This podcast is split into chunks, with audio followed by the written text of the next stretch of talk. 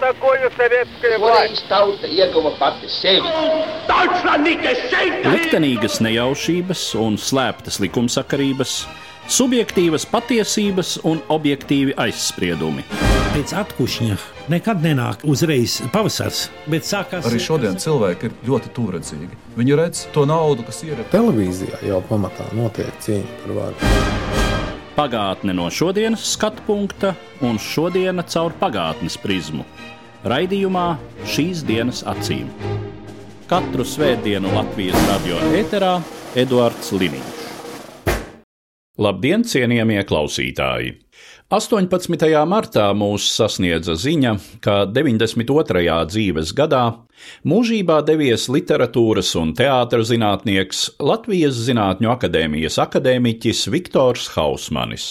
Šodien, pieminot akadēmiķi Hausmani, piedāvāju jūsu uzmanībai sarunu ar viņu un teātras zinātnieci Līviju Akurateri par norisēm Latvijas kultūrā tā sauktā Hruščova atkušņa laikā pagājušā gadsimta 50. gados. Raidījums pirmoreiz izskanēja ēterā 2006. gadā. Mēs atkal atgriežamies 50 gadus senā pagātnē, laikā, kad pēc Padomju Savienības kompartijas 20. kongresa un Nikitas Hruščova runas šajā kongresā notika pārmaiņas sabiedrībā visā padomju valsts struktūrā, no augšas līdz apakšai. Šoreiz mēs runāsim par pārmaiņām, kas notiek kultūras sfērā. Mani sarunas biedri studijā ir Līvija Kuratere, teātris zinātņu doktore un teātris zinātņu doktors Viktors Hausmans. Līvija, jūs tobrīd esat darbā Latvijas PSR kultūras ministrijā. Kas, starp citu, ir kultūras ministrs tobrīd? Ostrovs. Bet vietnieks ir Valdemārs Kalpiņš. Nu, tagad, Edži, jūs atgādinājāt, ka tas bija tas kongresa gads. To es, protams, biju pilnīgi aizmirsusi. Bet, kad man lika domāt par 56. gadu, tad man tūlīt attausa atmiņā tas, kā jau apmēram ar 53. Valdemārs Kalpiņš ļoti iestājās par latviešu klasikas rehabilitāciju. Pamazām arī ienāca vispirms, protams, ar ļoti daudziem blaumaņu iestudējumiem, salīdzinoši ar iepriekšējo posmu, kad vispār tas bija tā atbīdīts.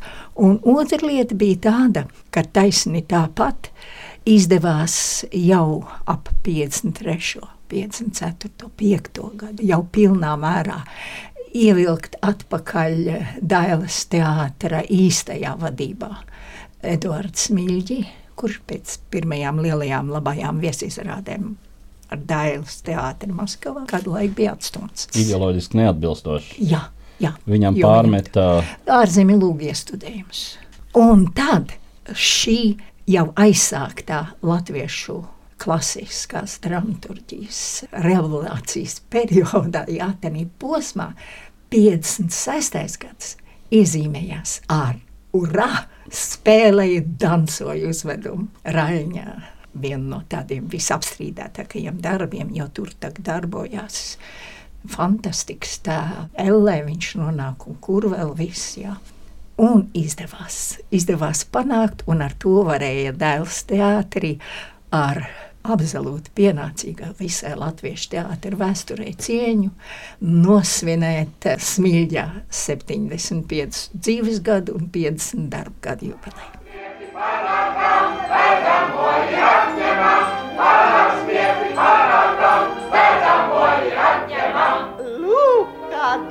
Dieviņš vēl no sveic, lai iet jauniem labumā. Saku nu vien, saku nu vien, kas to būtu iedomājis? Lūk, tad abi dabūjās vēl šai gaišā saulītē. Nav vēl nakts pagājusi, nec tie saules redzējuši, kopš devušies divatā. Valdi beidz, valdi beidz, vedam laukā, vedamo! Valdi beidz, valdi beidz, vedam laukā, vedamo! Turieties, dieva bērni, aizsaulīte žuburi! Eč, kā vilki vilku vilka, paslidenu nedurtiņu. Heč būt dzīves vecais kungs, kas tos kopā gan nedotu. Nec dēls viņā iestos. Nu pats mācējs nāves mākts. Nu var ļaudis elpu vilkt. Ko nu māsiņa elpu vilksi, vai tad mācējs nemāc vairs? Nakšu naktis apkārt liet, Lopusjai, asins sūds. Vaida visi, kas lai glābtu mīris. Ko vairs dienā spēj? Mīris, guļ kā gluži dzīves, ozols ārkā nesapuvis. Lupu galā asins lās. Sūkdams mūsu valda vēl tā kā valdīs kopš laika. Un tad es atceros vēl šo laiku ar to, kā atgriezās. Mēs daudz nedomājām, kā un kāpēc.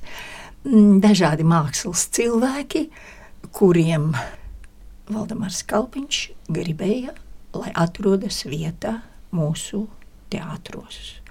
Un, ja viņi bija saistīti ar tādām mākslas iestādēm, kas šajā laikā teātrī vairs nedarbojās, jo mums salīdzinot teiksim, ar 30 gadiem bija tomēr mazāk profesionāla teātra. Tāpēc arī sākās um, tā ideja izmantot, radīt tādu lietu kā tautas teātri, kas zināmā mērā varēja aizstāt it kā no tādu arī mākslu. Tur es atceros, ka kļāva atgriezās no Sibīrijas. Viņam tur atradās vieta vēl tādiem cilvēkiem. Nu, man tagad drusku sajukuši tieši gadi, bet es zinu, ka vēl viens ārkārtīgi svarīgs uzdevums bija, kurš jau tad tieši nobrieda radīt latviešu teātrī Daugopilī. Latviešu, Krievu tur bija. Nu, tā kā tas bija jauks posms manā atmiņā. Vispār kultūras ministrijas tā brīža darbības uh, stils un, un metodas. Cik lielā mērā ministrija bija sistēmas tāds filtrs, kam uzdevums bija nelaist cauri? Eh, Ministrija nebija sistēmas filtrs. Kontrolēt bija tāda. Es zinu, ka tur bija kaut kur kaut kāds, caur kuru vajadzēja dabūt cauri vienmēr visādas tekstus un tam līdzīgi. Vismaz tā ministrijas daļa, ar kuru es tieši biju saistīta, un vēl tāda Rīta Lenkina, mana darba biedrene. Mēs bijām galvenām kārtām saistītas ar vietnieku. Un no mūsu redzes punkta palīdzēt smilģim un briedītim, kur aizstāv teiksim, to, ko es jums sacīju, šo latviešu klasiku, uzrakstīt referātiņus, ziņot, darīt to. Braukt uz tā sauktajām pieņemšanas izrādēm, kuras bija īsi pirms pirmizrādes, tad kopā ar Māksliniecisko padomu, toreiz Mākslinieciskā padoma skatīja, un tad pēdējos vēl tādus Liepājā, Valmierā, jā. Strādāja jau mm. ļoti labi režisori, piemēram, Nikolais Mūrnieks Liepājā. Aizbraukt uz viņu sagatavoto jauno izrādi, tas jau bija viens prieks. Kurā gadā Valdemārs Kalpiņš kļuva par uh, kultūras ministru? Neatceros, bet katrā ziņā, kad es atgriezos no Pērsas ielas, Rīgas balss, es tikai tāpēc atgriezos 58. gada novembrī. Tad viņš bija. Kas 61. viņš man iesauca kabinetā un teica, vai jums ir kaut kur, kur iet? Mm -hmm. Es teicu, jā, man nu pat zvanīja no Rakstnieku savienības. Viņš teica, tad iet ātri un neskatieties atpakaļ. Hausmankungs, jūs tobrīd esat prom no Latvijas Maskavā. Jā, es toreiz mācījos aspirantūrā. Jā, tas bija Pasaules literatūras institūts. Tur tajā laikā, jā, es piedzīvoju to laiku, kā bija tas kongress, bet galvenais bija Staļina kulta nosodījums, viss tas apvērsums, nu, pozitīvā nozīmē apvērsums garīgā ziņā. Un interesanti. Divas lietas varbūt. Tajā Pasaules literatūras institūtā tur bija arī daudzi gaiši cilvēki, dažus pēc tam kā disidents pat nosodīja un viņi bija apcietinājumā. Bet eh, starp līdzstrādniekiem tur bija arī Staļina meita, Alilujeva, ja, kas vēlāk aizbrauca uz Ameriku. Tas bija Zāņu akadēmijas institūcijā, ka tur sanāca kopā un nu, arī bija tāds sanāks, kur par visu to runāja. Nu, tad vienīgā, kas tiešām smagi pārdzīvoja, tā bija Alilujeva. Viņa tiešām raudāja tajā reizē. Jo nu, tas tomēr bija viņas tēvs, bet nu, pārējie to uzņēma kā lielu gandarījumu sajūtu. Pie tam man jāsaka, drusku pat paradoxāli tas varbūt ir. Es um, 57. gadā pabeidzu, atgriezos Rīgā. Te man likās eh, drusku tā kā vēl tāds mierpilsoniskāks tas gars, jo progresīvā inteliģence Maskavā noteikti bija tāda, tā ļoti atvērti uztvēra to pozitīvo, ko deva radošiem darbam. Tas 20. kongress nu jau tieši bija tā atmosfēra, kas mainījās.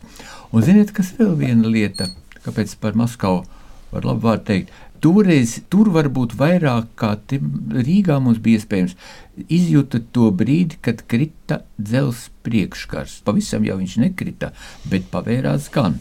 Un tur cits pēc cita sāka braukt Eiropas teātrī. Es atceros um, gan Žanu-Luiju Baro, gan Žanu Villāru, Mariju Kazeresu. Tieši tā. Pīters Bruks toreiz bija tikko jauns vēl cilvēks. Hamlet bija iestudējis, Pols Skofilds spēlēja Hamletu. Tā bija vienkārši nu, ļoti laba skola. Redz, mums Rīgā nebija to iespēju. Mēs skatījāmies provinces. Nu jā, Rīga nebija to pilsētu sarakstā, uz nu, kuriem oficiāli varēja atbraukt kāds rietumteātris bez īpašiem nosacījumiem. Laikam, jā, nu, man liekas, ka Valdemaram Kalpiņam šo to nosargāt arī palīdzēja Maskavas atbalsts pret vietējo ceku. Jā, starp citu, tas ir diezgan zīmīgi un parādās gandrīz visās sarunās, kas man jau ir bijušas šajā raidījumā. Šajā sarunās atklājas tā situācija, ka tajā brīdī Latvija, pateicoties pirmām kārtām, protams, vietējās centrāla komitejas nostājai, ir viens no reakcionārākajiem uh, kaktiem mm. bijušajā Padomju Savienībā. Sevišķi te ir loma tādai personai kā Pelše, kurš diezgan strikti tur visu savās rokās un uzbrūk diezgan krasi jebkurai tādai brīvākai domas izpausmei.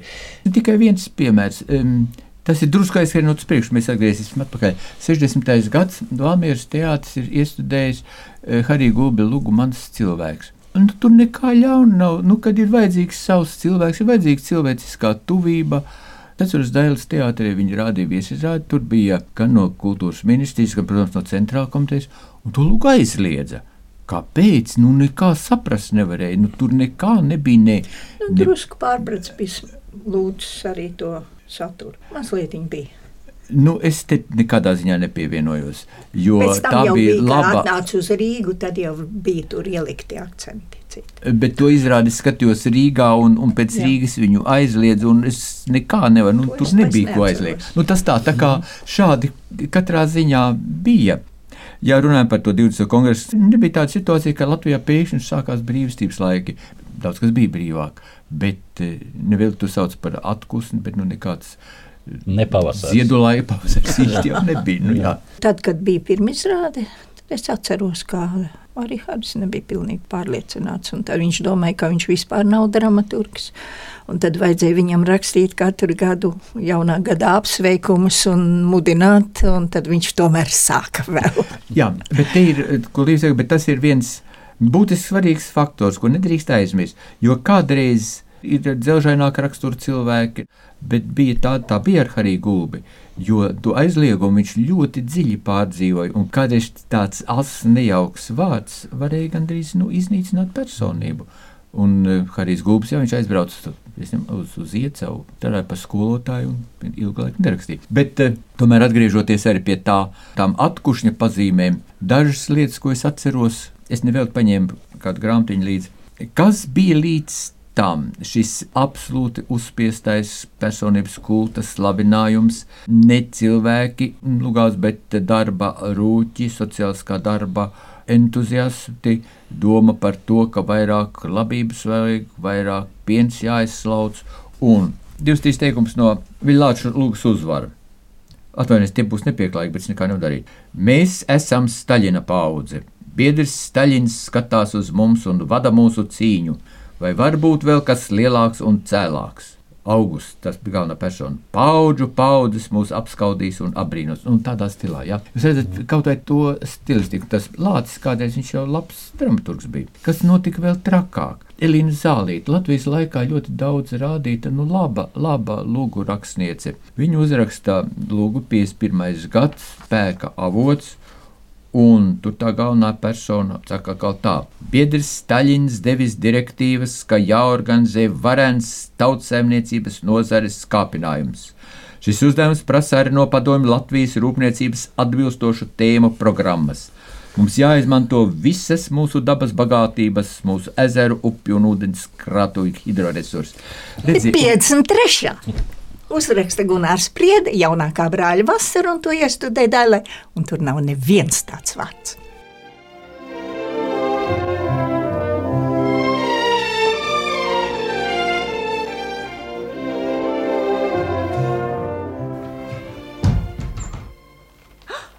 Egīl, cik pulkstens? Pieci. O, oh, tad vēl varam. Nobijos. Ja sešos nenotveram sagādas daļas vadītāju un nedabūsim parakstu un zīmogu, rīt no cementa atkal nekā. Nebūtu liela nelaime. Egil. Nopietni. Cements var pagaidīt. Vispirms skaliņi. Jūs atnācāt man aizvadīt, bet runājat tikai par cementu, naglām, skaliņiem. Vai tad tev kā celtniekam nav interesanti klausīties? Nē, nav. Uģi, kas tev ir pret mūsu mājiņu? Man? Nekas. Būvējieties veseli. Kad rudenī atgriezīšos, būsiet zem jumta.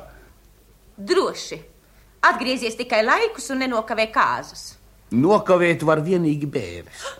Pusstundu par vēlu, viss smiltim no līdzināt. Uģi, cik šausmīgi tu runā!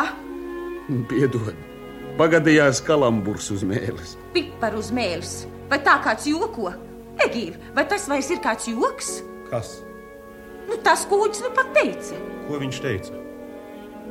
Jā, pusstundu par vēlu, drupas un gruveši. Egīla, par ko tu domā? Par dienu, kad brāļi Daugavieši atgriezās sabombardētajā Jelgavā. Tu par to man nekad neesi stāstījis. Jā, nav arī ko stāstīt. Marts toreiz laukos slēpās no iesaukšanas leģionā. Es biju tās saucamais izpalīgs, bet uģis turpat kaimiņos ganīja govs. Kad vispār ejam uz Jelgavu, skatāmies, ne vairs ielas, ne mājas, ne, nekā vairs.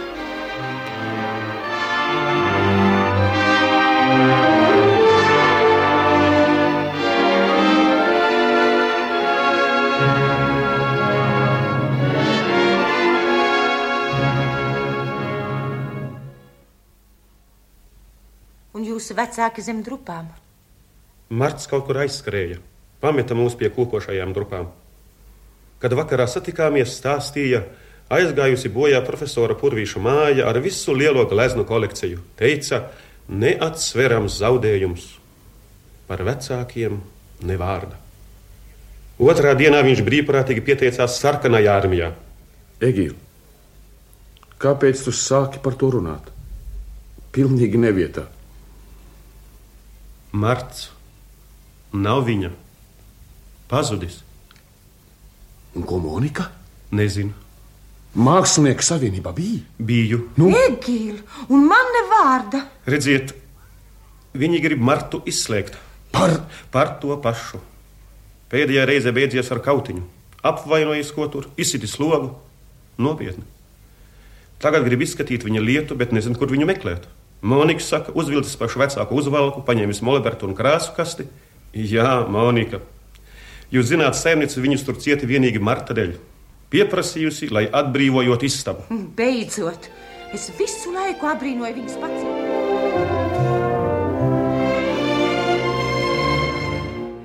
Palkaunieks vēl nozaga no galda otru eksemplāru, jo pirmo paņēma Gunārs Streimans. Bet palkaunieks tieši tajā brīdī ir ienācis un turēts. Dailas teātra direktors. Jā. Mhm. Un šis Spānijas pilsoņu kartur cīņu dalībnieks paņem no mana galda, kamēr es aizgriežos. Nu, Tā es biju jau mani gan. Bet nu, viņš paņem un aiznes. Tūlīt uz ielas saprotu, ka Pēteru Petersonu iedod Pēterim Petersonam. Tas saka, jā. Par to 56. gadu domājot, te Līvijai savukārt ir taisnība, ka cilvēki bija dažādi. Ne visiem bija vajadzīgs tas 56. gads, lai atvērtos. Jā, bija Gunārs Priede, kas uzrakstīja. Un te arī, vai tur bija kaut kas radikāli, kaut kas absolūti jauns? It kā nē, un tomēr. Pirmkārt, parādījās cilvēks kā cilvēks, nevis kaut kāda sociālā darba varoņa, bet cilvēks, puika īstenībā, Uģis Daugavietis. Otrkārt, tajā laikā bija svarīgi nu, pateikt kaut nelielu, bet tomēr patiesību. Jo tas puika pateica, ka tā kūts vai tā māja tā ir šķība, ne tā vietā. Nu, šķība, laikam viņš neteica, bet nu, pēc būtības. Nu, kaut vai tik daudz tajā reizē pateikt, nu, tas bija jau kaut kas, un nevelti tā luga, Līvija, cik reizes dēlē rādīja, nu, katrā ziņā. Man ir lieliem... vēstulīte, kur Gunārs saka, ka nu 125. reizi ir. Nu, redz, to mēs ar Līviju arī atceramies, kādreiz nu, izcēlās pēdiņās padomu lūgas gāja no desmit, tas bija ļoti augsts skaits, desmit reizes, ja 12. Nu. Cilvēki noieguši pēc patiesības, nu, pēc patiesa vārda. revolūcija tā nebija, bet ļoti daudz tas tajā laikā bija. Tāpat kā es drusku pārlieku uz citu, Līvija varbūt atceras, Mirdzēja ķempē iznāca dzējoļu krājums mīlestība. Neliela tāda grāmatiņa, Jā. kas jau, man liekas, 57. gads. To uzņēma ar milzīgu sajūsmu, gandrīz jā, kā jāsaka, ar aplausiem. Viņai laikam par kādu prēmiju tur iedeva. Un kas tas bija? Kaut kas tāds no mākslinieces ziņā, tik izcils. Tā bija laba. Katrā ziņā laba grāmatiņa. Bet kādreiz tajā iepriekšējā laikā runāt par mīlestību. Ne jau par seksu, protams, bet par mīlestību. Nu, tas bija kaut kas par darbu uzvarām jācīnās. Kāda mm. tur mīlestība?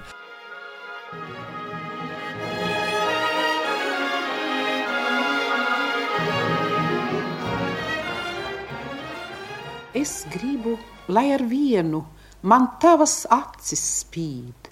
Es gribu katru dienu tur ausmu saskatīt. Es gribu savas rokas ap taviem pleciem kļaut, zem ziedu pilna koka, zem zvaigznēm tevi skaut. Es gribu, lai top būtne, kas būtu tu un es, lai dzīvību kā sūtne tā mūžos tālāk nes, lai viņa dzīvot spētu, zem miera saules tās, to dienu saredzētu, ko nakts vairs neaizklās. Es negribu tik tevī un savā laimē grimt, bet visā, ko man devi, es gribu jauna dzimt.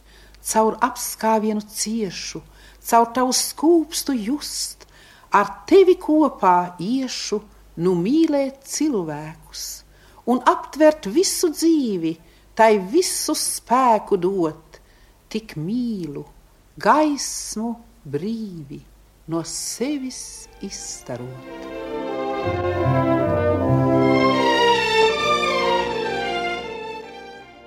Un vēl kādreiz bija ļoti, kā Lugā un katrā ziņā ar prozarbā, jābūt pozitīvajam varonim, cīnītājam par komunista ideāliem.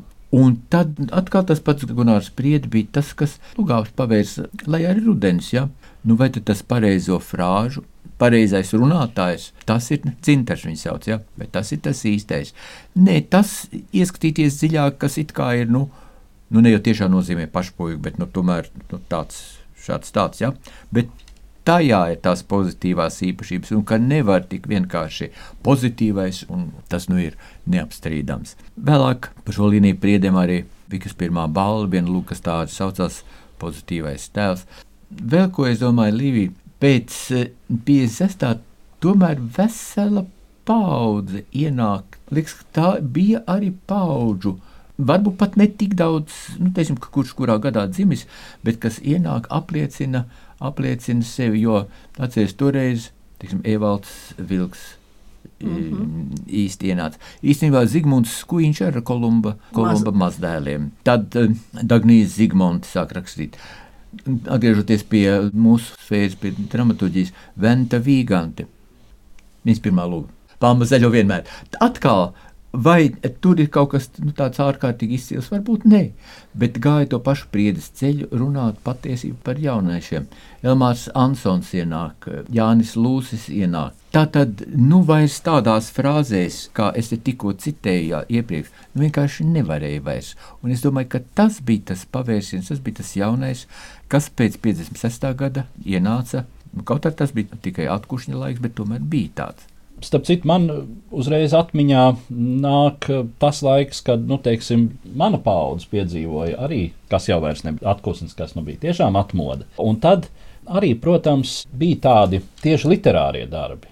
Nu, tiem, kas par to interesējās, un, un es arī dzem, to brīdi studēju latviešu valodu un literatūru, un tad tieši kaut kādu literāru tekstu parādīšanās iezīmēja to, ka nu, ir citādi ka notiek pārmaiņas. Nu, man tīri personiski bija avotā publicēta Džordža Orvela dzīvnieku ferma. Mm -hmm. Drīz pēc tam, vai ap to pašu laiku, Krievijā, Maskavā publicēja suņa sirdi Mihaila mm -hmm. Bulgākova mm -hmm. garstāstu. Nu, Bulgāko taisn, tad mēs ap 56. vēl pirms tam tepat lasījām kur tu bibliotekā vai Maskavā vai ārzemēs vai, vai šeit patles, ko lasīs. Tā viss saplūst kopā, bet es ļoti labi atceros, ka man bija draugi, no kuriem es dabūju, kā toreiz teica, samizdatus, un mēs lasījām gan Bulgākau, gan Salašņīcinu, gan ārzemju darbus. Un tā bija, kā saka, maize un prieks. Arī šo to no Pētera Petersona varēja dabūt tādā ziņā, tad tur es vairs neatceros, kurā brīdī tur mājas ilma atgriezās, kur nē, tad liela lasa jau arī. Nemaz tā negribējās fiksēt. No kā to es paņēmu un kam to es atdevu. Jā, tas ir diezgan svarīgi. Un mēs drusciņi aizlauzām arī savu, teiksim, to robežu uz Eiropas pusi. Un 59. gada pirmajā pusē, es atceros, mums izdevās pirmās ārzemju viesizrādes ar ansambli Sakta uz Čehoslovākiju. Mēnesī braucām, kur bija tikai latviešu tautas dejas, latviešu tautas dziesmas un tāds orķestrīts. Kur tagad ir sakta? Sen pazudusi, likvidēta. Tā kā Valdemārs Kalpiņš man aizsūtīja līdzi, tad es atceros katrā reizē, kad mēs runājām to priekšvārdiņu kaut kādu. Nu, tad tās bija jārunā krievu valodā. Bet vienu vismaz frāzi pašā beigās absolūti latviski, lai viņu taču saprot, ka mēs esam kas cits. Nu, varbūt mums vēl atliek uh, dažus vārdus teikt par to, nu, kā tas beidzās. Līvija atcerās tīri savu personisku šo momentu, kad. Ka es aizmuku uz rakstnieku savienību. Kā notiek šī reakcija? Ar konkrētu gadu es katrā ziņā nepateikšu. Es arī nepateikšu. Bet, kad tā pretreakcija bija no centrāla komitejas puses, viens fakts. Es atceros, notiek sanāks, tā bija Zinātņu akadēmijas augstceļš tur lielajā zālē. Uzstājās toreiz Bērsons un pieminēja Evalda vilks stāstu 12 km, ka tur ir pozitīvas vērtības. Un toreiz pēc tam, es domāju, ka tas bija Pēlšs, bet es varu sajaukt, bet katrā ziņā viens no pirmajiem centrāla komitejas bosiem pēc tam drausmīgi asi un nikni, kā var tā nolaisties līdz tādam līmenim, ka var pozitīvi atzīmēt tur Evalda vilka stāstu. Nu, tā bija pretreakcija. Nu, tajā stāstā ārtaču tas ir godīgs, labi uzrakstīts stāsts. Bet šie viļņi gāja Tālāk par to pašu kultūras ministriju. Paiet vēl kādi gadi, no turienes jāaiziet Lilijai Dzenē, jo viņas rokās bija toreiz Gunārs Priedes lūgs maržo sēnes, to vismaz lasīja. No turienes jāaiziet Inai Zaķei. No turienes bija jāaiziet vēl tur kādiem cilvēkiem. Ja? Tā tad tādi atkušņa iezīmes bija, bet diemžēl pēc tam gāja gadi un tās situācijas sabiezēja un sabiezēja. Taču no otras puses, un es domāju, te ir mūsu inteliģents, inteliģents savu spēku pierādīja, jo tas, ka vairākās lugās sākā parādījās vēl asākas problēmas. Vienalga kādā veidā pateiktas, tie jau ir ja 60. gadu beigas, kad nāk tāds vilnis, ka teātris nevar vairs iekšā tikt. Teiksim, Harija Gulbja, Luga, Aja Žužu bērns kā lācis, Pauls Putniņš uzraksta paši pūt, paši dega, Priedi uzraksta Miks un Zilna, kur pirmo reizi par mm, cilvēkiem, kas bija izsūtīti un kā to vērtēt. Vēl pēc kāda brīža tava labā slava, ar domu, kas tad ir tā labā slava. Tā kā Es nevaru par visiem teiksim, prozīķiem, bet nozara, ko mēs vairāk ar Līviju pārstāvam, kam esam sekojuši, ka drāmā ir pretēji procesi. Tātad no vienas puses spaidi, no augstākām instancēm, domāju, centrāla komiteja, un no otras puses, tomēr tas atkuršņa gas, kas bija sācies, tas nebija apslāpējams. Tas gāja uz priekšu. Es domāju, ar to mēs arī varētu noslēgt šo sarunu ar to vispārējo situācijas raksturojumu, ka no vienas puses, protams, atpūsnis beidzas Latvijā, beidzas ātrāk un krasāk, iespējams, nekā pārējā Padomju Savienībā, bet tā atpūšņa laikā ieliktā sēkla turpina dīgt, un tas vairs tiešām nav apslāpējams, un tad jau nāk. Un kaut kādi inteliģenti pulciņi izbraukuši ārpus Rīgas, tur kaut ko skatīties, kaut kur brauc pēc tam pa Daugavu. Un laivā cieta Daugavā abas malas, arī Daugavas vanagas sasauksimies, kas vēl dzīvi. Tāds es arī esmu dzirdējis. Līdz ar to izskan mana saruna ar teātras zinātnieci Līviju Akurateri un literatūras un teātras zinātnieku Viktoru Hausmani. Raidījums pirmoreiz izskanēja ēterā 2006. gadā. Šodien piedāvāju to jūsu uzmanībai, godinot 18. martā mūžībā aizgājušā akadēmiķa Viktora Hausmaņa piemiņu. Katru svētdienu Latvijas radio viens par pagātni sarunājas Eduards Liniņš.